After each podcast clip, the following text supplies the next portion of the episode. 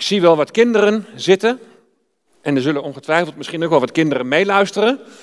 Maar de preek zal niet altijd even gemakkelijk zijn voor jullie, maar je zult vast wat dingen herkennen. Want het gaat over een heel bekend verhaal. Het gaat over het verhaal van Jozef. Niet Jozef van Maria, ja die komt ook nog voorbij. Maar we gaan het ook hebben over Jozef, die droomde. Luister maar mee. Genesis 37, vers 4 tot en met 11. De broers zagen wel dat hun vader het meest van Jozef hield. Daarom konden ze Jozef niet uitstaan. Ze hadden geen goed woord meer voor hem over.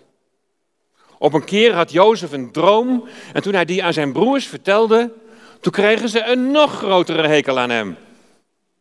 Moeten jullie nu eens horen wat ik gedroomd heb, zei hij.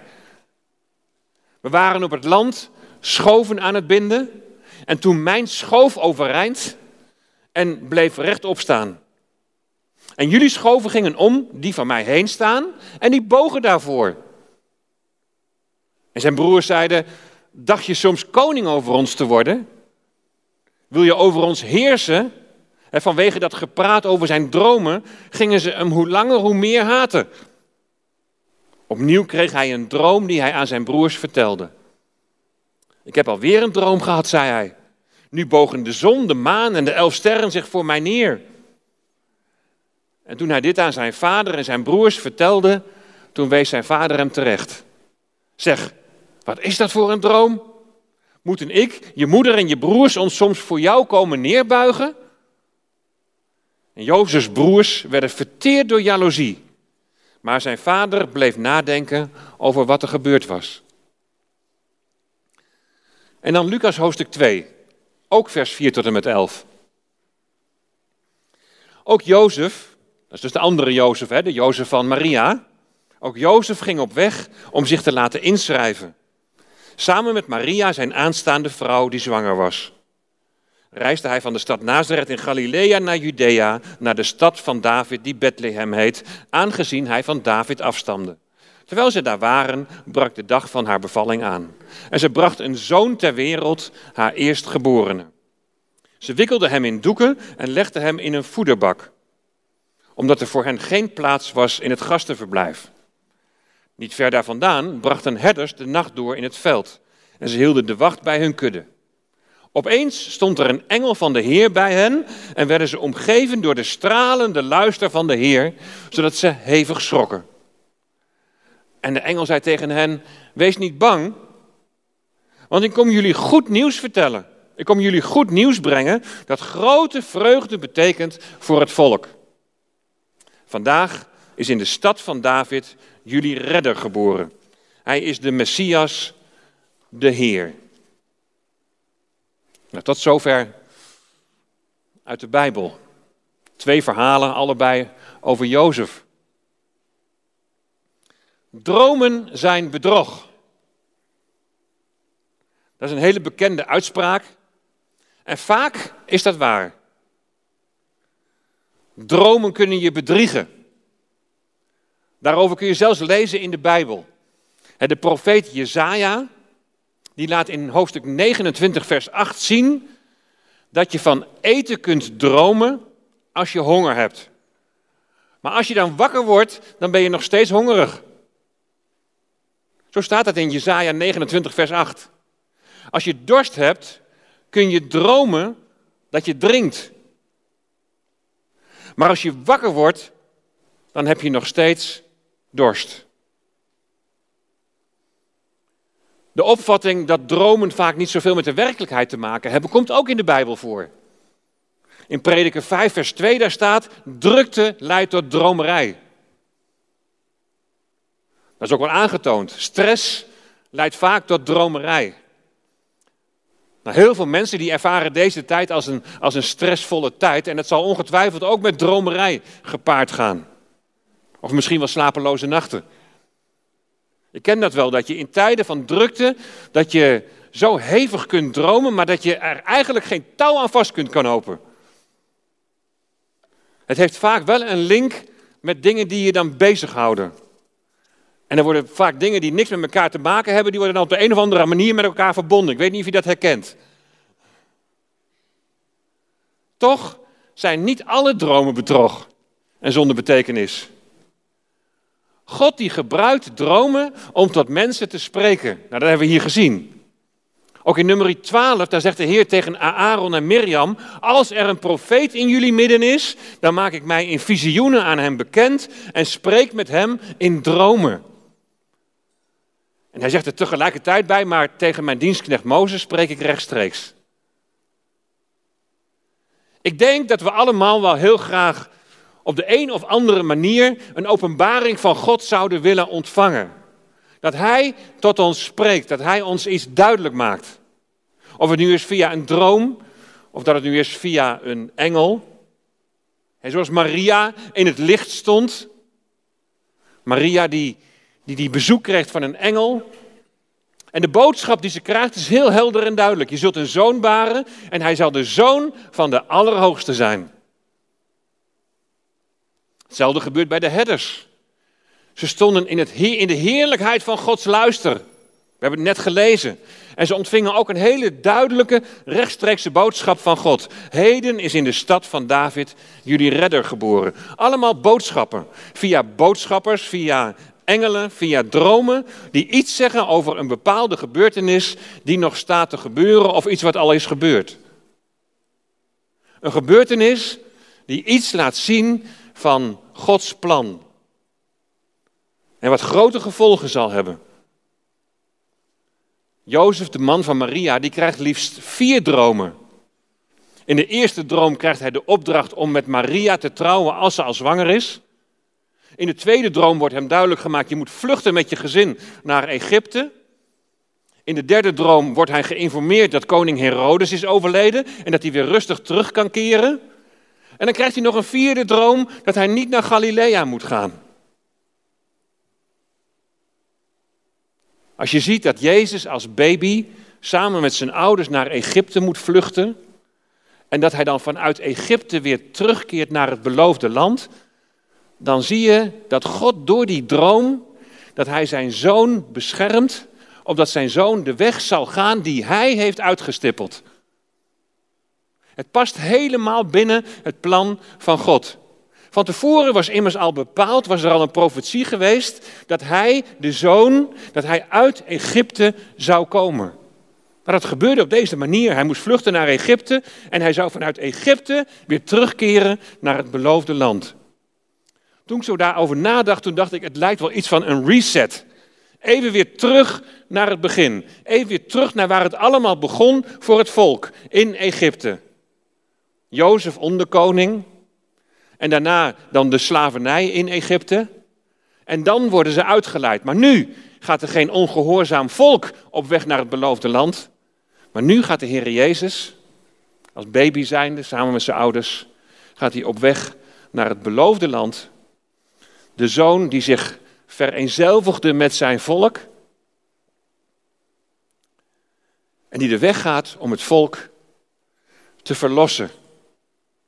Hij gaat op weg, en dat is het doel, hij gaat op weg om uiteindelijk te regeren.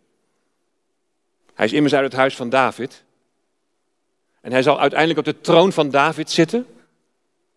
Daar is het allemaal om te doen dat de Messias regeert. We hebben er net zo uitbundig over gezongen. De Heer regeert, dat de aarde juicht. Dat moment zal aanbreken, dat zal gaan komen. God openbaart zich aan mensen op hele verschillende manieren, opdat zijn plan ten uitvoer zal worden gebracht. En wat Gods plan is, en hoe Hij jou en mij ook daarin wil gebruiken, dat kunnen we allemaal hier vinden. In het woord van God, in de Bijbel. Als je nou zo graag wilt dat God zich aan jou openbaart, dat Hij tot jou zal spreken, hoeveel tijd steek je er dan in om, om met zijn woord bezig te zijn? Welke plaats heeft dat dan in jouw leven? Oh natuurlijk, God kan spreken door dromen. God kan ook een bevestiging geven in je hart of je iets wel of niet moet doen. Maar hoe kun je dat nou toetsen of dat nou daadwerkelijk van God is of dat het iets vanuit je eigen hart is. Dan moet je toetsen aan het woord van God. Want het zal daar nooit mee in strijd zijn. En als je niet voldoende kennis van dat woord hebt, kun je ook anderen daarbij vragen. Laten we toetsen of, of dit het is dat God spreekt op dit moment. Als het gaat om het begrijpen en het verstaan van Gods plan, dan, dan begrijpen we vaak niet alle details. Maar wat voor mij als een paal boven water staat, is dat de Heere God de gebrokenheid van deze schepping, en die gebrokenheid is er, en we zien het om ons heen, en we ervaren het in ons eigen leven. Het staat voor mij als een paal boven water dat Hij de gebrokenheid van deze schepping zal herstellen. Voor mij staat als een paal boven water dat de Zoon, dat de Heer Jezus Christus, dat Hij de schepper is, maar dat Hij ook de herschepper is. Hij zal regeren. De Heer regeert. Voor mij staat als een paal boven water dat Zijn koninkrijk van vrede en gerechtigheid zal gaan aanbreken. En altijd in alles staat de Zoon centraal. De zoon die een weg van lijden gaat, maar uiteindelijk wordt verhoogd. En we zien dat bij de Heer Jezus. En we zien dat ook bij Jozef. En Jozef in Genesis 37. Ook een leven van lijden, maar uiteindelijk wordt hij verhoogd. Waar we ook zijn in het verhaal over Jozef. We zijn nu nog maar aan het begin. Maar waar we ook zijn in het verhaal van Jozef, Bedenk steeds wat het einddoel is. En dat einddoel is hetzelfde als bij de Messias. Hij zal regeren en hij zal zijn volk redden van de ondergang. Dat staat centraal. En dat Jozef zal regeren, dat blijkt al uit zijn dromen. De Heere God liet ook Jozef, de zoon van Jacob, via een droom iets van zijn plan zien. Dromen die geen bedrog zijn. En Jozef die vertelt enthousiast een beetje naïef, denk ik, over zijn droom. Hé hey broers, moet je nu toch eens horen. Ik heb een droom gehad. We waren op het land schoven aan het binden. En toen kwam mijn schoof overeind en die bleef rechtop staan. En jullie schoven gingen om die van mij heen staan en die bogen daarvoor. Nou, als je iemand echt niet mag, dan zit je natuurlijk niet op zo'n verhaal te wachten. En ik snap heel goed de reacties van de broers. Zijn broers zeiden: Dacht jij soms koning over ons te worden? Wil jij over ons heersen? Vanwege dat gepraat over zijn dromen gingen ze hem hoe langer, hoe meer haten. Wij weten al dat Jozef onderkoning gaat worden. Wij weten al dat ze voor hem zullen buigen. En hier wordt dat al duidelijk. Jozef komt zelfs met een tweede droom. Ik heb alweer een droom gehad, zei hij. En zijn broers die worden helemaal gek natuurlijk. Nu bogen de zon, de maan en de elf sterren zich voor mij neer. Twee keer een droom, allebei met dezelfde betekenis, met hetzelfde thema. Ze zullen buigen voor Jozef. Dat Jozef twee dromen krijgt, dat heeft een, heeft een betekenis. Veel later, als je het verhaal kent, hè, dan weet je dat, dat Farao ook twee dromen krijgt.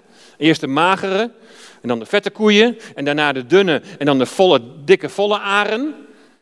En dat heeft ook allebei met precies hetzelfde thema te maken. Zeven jaar overvloed en zeven jaar hongersnood. En dan zegt Jozef over die twee dromen bij Farao, dat u deze droom tweemaal hebt gekregen. Dat betekent dat Gods besluit vaststaat en dat het spoedig uitgevoerd zal worden. Dus Jozef krijgt twee dromen die over hetzelfde gaan en daarmee zegt de Heer, maar hiermee staat het vast. Dit zal echt gaan gebeuren en ik zal het gaan uitvoeren. Jozef droomt hier dus twee keer. De tweede keer gaat het ook over zijn vader en moeder. Nou, zijn moeder die leeft al niet meer. Misschien wordt zijn stiefmoeder Lea hiermee bedoeld. Maar ze zullen buigen voor hem. Ik vraag me altijd wel af, wat is nou eigenlijk het nut van die dromen? Waarom moeten ze dit, nu vooraf weten? Wat is het belang daarvan? Waarom laat de Heere God dit nou aan Jozef zien? En ze begrijpen direct wat de betekenis is. De broers zullen buigen voor Jozef. Is het nou de bedoeling dat, dat deze dromen, dat die even de druppel doen overlopen? Is dit het laatste zetje dat de broers nodig hadden om, om, zich van Jozef te ontdoen? Moest dan deze negatieve vervolging van, van zijn broers, moest dat dan de positieve werking hebben dat Jozef naar Egypte zou gaan? Want die tocht naar Egypte, die zou immers een geweldig iets moois uitwerken. Uiteindelijk zal Jozef als onderkoning, als onderkoning van Egypte, zal hij de graanschuren openen en de wereld redden van de ondergang. Hij zal regeren en het volk redden van zijn ondergang, van hun ondergang. Dan is het eerste gevolg van deze droom, namelijk dat zijn broers Jozef gaan haten, zou dan meer een noodzakelijk kwaad zijn om iets goeds uit te werken. Soms gebeuren er moeilijke dingen in je leven, waar je soms heel diep doorheen moet gaan. En ik heb het eerder gezegd in een eerdere preek, maar dat het toch iets van een kiem van het, van het goede in zich heeft. Maar dat zien we hier ook. Of was het de bedoeling van deze dromen dat de broers achteraf, toen ze hun knieën bogen voor Jozef, dat ze daarin de grootheid van God zouden zien, dat de Heere God deze weg al had uitgestippeld. En dat hij dit scenario zo had uitgewerkt, opdat zij, de zonen van Israël, opdat Israël gered zou worden van de hongersnood. Zo'n droom wordt niet zomaar gegeven.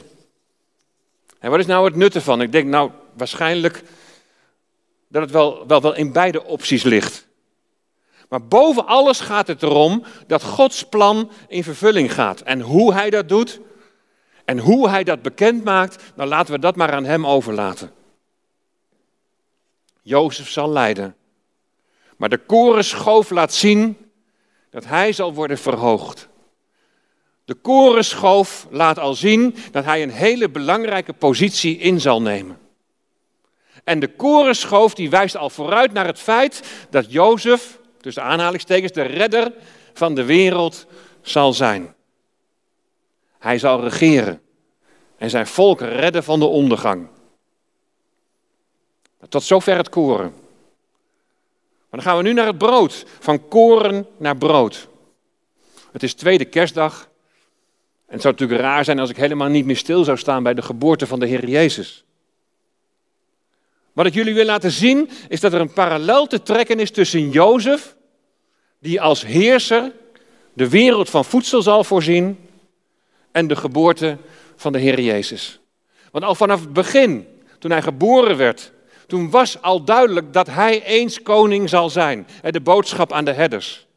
En vanaf het begin was het duidelijk dat hij de wereld van voedsel zal voorzien. Ook al moeten we dat voedsel dan wat ruimer zien dan het voedsel dat tot versterking van ons lichaam is.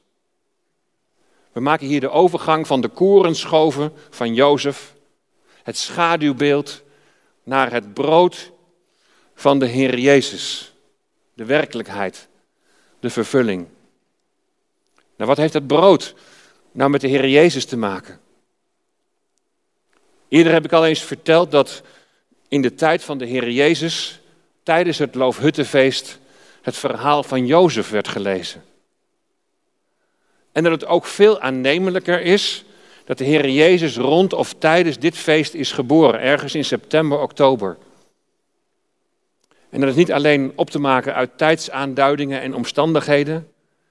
Je zou het zelfs op kunnen maken uit de gebeurtenissen op het feest tijdens het Loofhuttenfeest. Het Loofhuttenfeest is een heel blij feest. Het is het feest van de vreugde. Bij deel 1 van Jozef heb ik stilgestaan bij het Loofhuttenfeest naar aanleiding van Jesaja 12. U zult met vreugde water scheppen uit de bronnen van het heil. Weet je nog van het water dat geschept werd vanuit de bron van Siloam en in kruiken werd gedaan? En dat ze met gejuich opgingen in de stad van David. Dat ze opgingen naar de tempel. Wat een herkenning dan bij de herders, als het in die tijd zou zijn geweest. Als ze van de engel horen, wees niet bang, want ik kom jullie goed nieuws brengen dat grote vreugde betekent voor het volk. Grote vreugde tijdens het feest van vreugde. En wat is dan de reden voor die grote blijdschap? Vandaag is in de stad van David jullie redder geboren. Hij is de Messias. Hij is de Heer. Waren deze herders wel het uitschot van de maatschappij, wat vaak wordt gezegd? Of waren zij levieten, die de dieren uitzochten, die geschikt waren om geofferd te worden tijdens het Loofhuttenfeest? Het grote feest van blijdschap en vreugde. Als het Loofhuttenfeest wordt gevierd, dan wordt er een tent of een, of een, of een hut geplaatst. En daar werd ook brood gebakken. En om het brood lekker vers te houden, werd het gewikkeld in doeken. En werd het vervolgens in de voedselbak gedaan. Wat deed Maria? Toen, Jozef, toen de Heer Jezus werd geboren. Ze wikkelde hem in doeken en legde hem in een voederbak, hebben we net gelezen. Een kribbe. Of is het een voedselbak? De betekenis van kribbe in het Engels is feeding trough. Een voedseltrog voor dieren of een feedbox. Een voedselbak of een voedseldoos. Is de Heer Jezus wellicht in een loofhut geboren? Er staat nergens dat het een stal was. Er was geen plaats in de herberg, maar als het gedurende het Loofhuttenfeest was, dan waren er hutten en tenten genoeg. Maria baarde haar eerstgeboren zoon, wikkelde hem in doeken, zoals het brood in doeken werd gewikkeld, en legde hem in de voedselbak. Alle franje even weg. En wat overblijft is de tent, de kribbe, de voedselbak en het kind. Het kind die later zal zeggen, ik ben het brood dat uit de hemel is gekomen. Wat overblijft is hij die onder ons zijn tent heeft opgeslagen. Hij die het brood des levens is. Hij heeft zijn tent onder ons opgezet. En die tent wijst naar het lichaam. Het betekent dat hij mens geworden is. Dat hij onder ons heeft gewoond. En dat betekent dat hij gekomen is in alle kwetsbaarheid. Hij is gekomen om zijn volk te redden, om ze te redden van hun zonde. En hij is gekomen om het volk leven te geven. In Johannes 6, vers 35 zegt de Heer Jezus: Ik ben het brood dat leven geeft. Wie bij mij komt, die zal nimmer meer honger hebben. En wie in mij gelooft, zal nooit meer dorst hebben.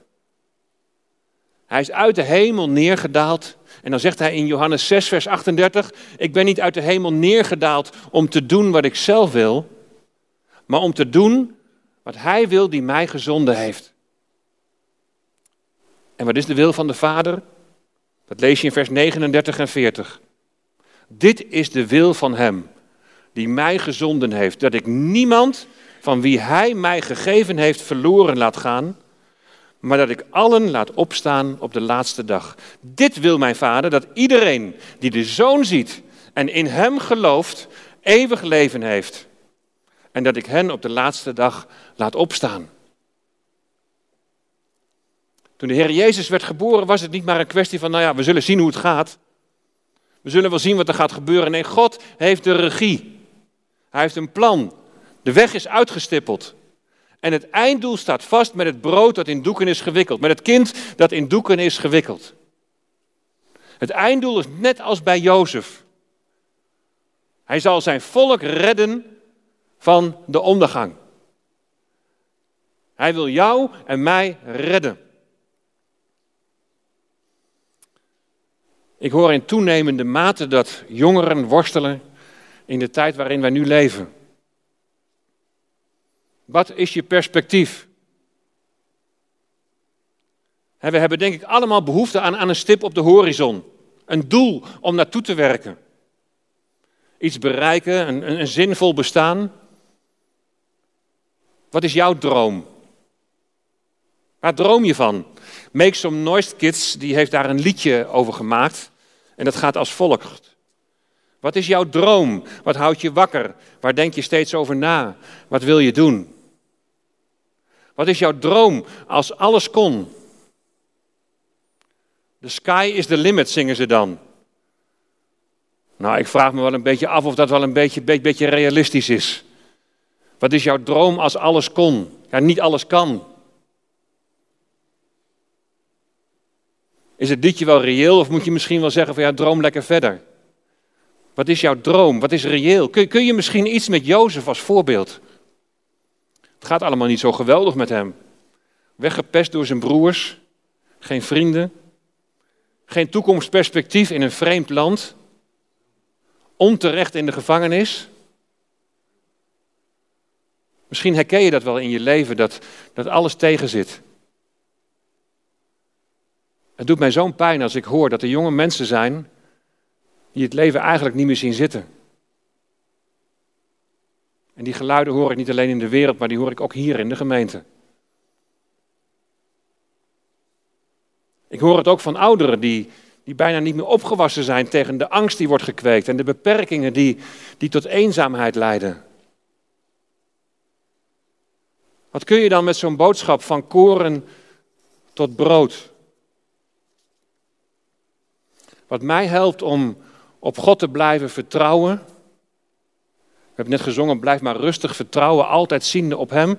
Wat mij helpt om op God te blijven vertrouwen, ook in moeilijke omstandigheden. Want die gaan ook onze deur niet voorbij. Dan is het dat ik weet dat Hij alles in zijn hand heeft. Dat geloof ik. Dat is mijn uitgangspunt. Daar vertrouw ik op. En dat Hij een plan heeft dat ver uitstijgt boven al het gekwetter en gekwaak van mensen die elkaar een angstcomplex aanpraten. Het gekwetter en het gekwaak van mensen die toekomstperspectief beperken tot wat jij in je leven zou moeten bereiken met opleiding en met inkomen. God wil niet jouw prestaties. Hij kijkt niet naar wat, wat aardse maatstaven zijn. Hij kijkt niet naar wat je naar aardse maatstaven hebt bereikt of, of niet kunt. De zoon, het kind in de voedselbak, die wordt niet vergeleken met een luxe maaltijd, maar die wordt vergeleken met een eenvoudig brood. De boodschap van kerst is de kerst van eenvoud. Maar de Heer Jezus zegt: Kom bij mij, ik wil jou rust geven. Een klein, kwetsbaar kindje, met de ouders op de vlucht geslagen, groeit op als zoon van een timmerman. En nadat hij is gedoopt en zijn bediening echt begint, dan wordt hij in de woestijn geleid. In de woestijn geleid door de Heilige Geest staat er. Het is de Geest die hem in de woestijn leidt. En dan wordt hij flink verzocht door de duivel. Maar als dat voorbij is en duidelijk blijkt dat Jezus overwinnaar is, dan heeft hij een boodschap. En dan zegt hij voortdurend: Het koninkrijk der hemelen is nabij. Bekeer je. Het koninkrijk zoals het is in de hemel zal zijn, ook hier op aarde. Bekeer je, want het koninkrijk komt eraan. De koning komt. En dat is het toekomstperspectief wat Jezus aanbiedt. En in de wonderen die hij doet, dan laat hij al zien dat er straks geen plaats meer zal zijn voor ziekte en dood. En hij laat zien dat hij jou wil helpen om jouw leven nu zo te leiden dat je iets kunt laten zien van wat straks komen gaat. Het liefhebben van je medemens, de ander uitnemender achter dan jezelf, dienstbaar zijn voor mensen in nood? Kun je hier iets mee? laat de mensen maar kwetteren en kwaken. Laat ze maar van alles vinden. De Heer Jezus schenkt leven. Hij wil je vervullen met zijn vrede, met zijn rust. Bij Hem moet je zijn. Hij die jou onvoorwaardelijk lief heeft. Hij die je niet afrekent op jouw prestaties, of waarin jij misschien allemaal te, denkt tekort te schieten. Maar die zegt, ik wil je hart. Kom maar zoals je bent. Door Hem en door Zijn woord weten we wat er nog allemaal gaat komen. En Hij wil je tot die tijd, wil Hij jou de kracht geven, want we kunnen het niet van onszelf. Wil Hij je de kracht geven om iets van Jezus te laten zien. In alle eenvoud. De broers zullen buigen voor Jozef. Heb jij ook al gebogen voor het kind in Bethlehem? Heb je al gebogen voor de Heer Jezus? En heb je al gedankt voor je redding? Heb je al gedankt dat alle zonden zijn weggedaan? Dat alles is schoongewist door het offer van de Heer Jezus aan het kruis van Golgotha. Buig voor Hem. We hadden het net over muren afbreken even in, in een van de liederen. Misschien zijn er muren om je heen. Muren van pijn en van verdriet misschien wel. Misschien vind je het zelfs wel moeilijk om, om God als vader te zien. Er kunnen zoveel dingen in je leven zijn gebeurd die, waardoor ik dat helemaal kan begrijpen. Maar het is de Heilige Geest van God die jouw muur wil afbreken. Want God is veilig. De Heer Jezus is veilig. De broers zullen buigen voor Jozef. Wij buigen voor de Heer Jezus. En straks zal de wereld buigen voor Hem. Het was liefde. Onvoorwaardelijke liefde. Liefde was het. Onuitputtelijk. Liefde en goedheid eindeloos groot. Toen de levensvorst op aarde tot ons heil zijn bloed vergoot. Ja, jullie mogen wel vast komen. We gaan dit lied zo, gaan we zo met elkaar zingen. Ook de weg van de Heer Jezus was een weg van lijden, net als Jozef. En misschien wel net als jij. Maar de Heer Jezus die ging deze weg, ziende op de vreugde welke voor hem lag. De vreugde van het beloofde herstel. Van het weer zijn in de aanwezigheid van God de Vader. Jezus ging een weg van lijden, maar hij deed dat. Uit liefde voor jou en mij. En lieve mensen, hij is in aantocht. Als ik kijk naar de omstandigheden op dit moment in deze wereld. En als ik het woord van God lees, dan vallen er steeds meer puzzelstukjes op hun plaats. En denk, Heer Jezus, u komt spoedig. En dan mag ons gebed ook wel zijn, Heer Jezus, kom spoedig. Rijd als heerser door de velden. Jezus in uw grote kracht. Niets, niets kan u tegenhouden. Zelfs de hel niet met haar macht. Voor uw naam zo groot en heerlijk. Zingt de vijand weg in het niet. Heel de schepping, Heer, zal beven als zij u, haar koning, ziet. Hij, het levende brood, het manna in de woestijn, het brood uit de hemel, wees al op hem. In de voedselbak is hij het brood dat uit de hemel is neergedaald. En straks als de bazuin klinkt en als de aartsengel roept, dan zal hij opnieuw vanuit de hemel komen. Hij, het levende brood. Hij, ons manna. Hij zal komen. De grote koning is in aantocht. Blijf hem verwachten. Amen.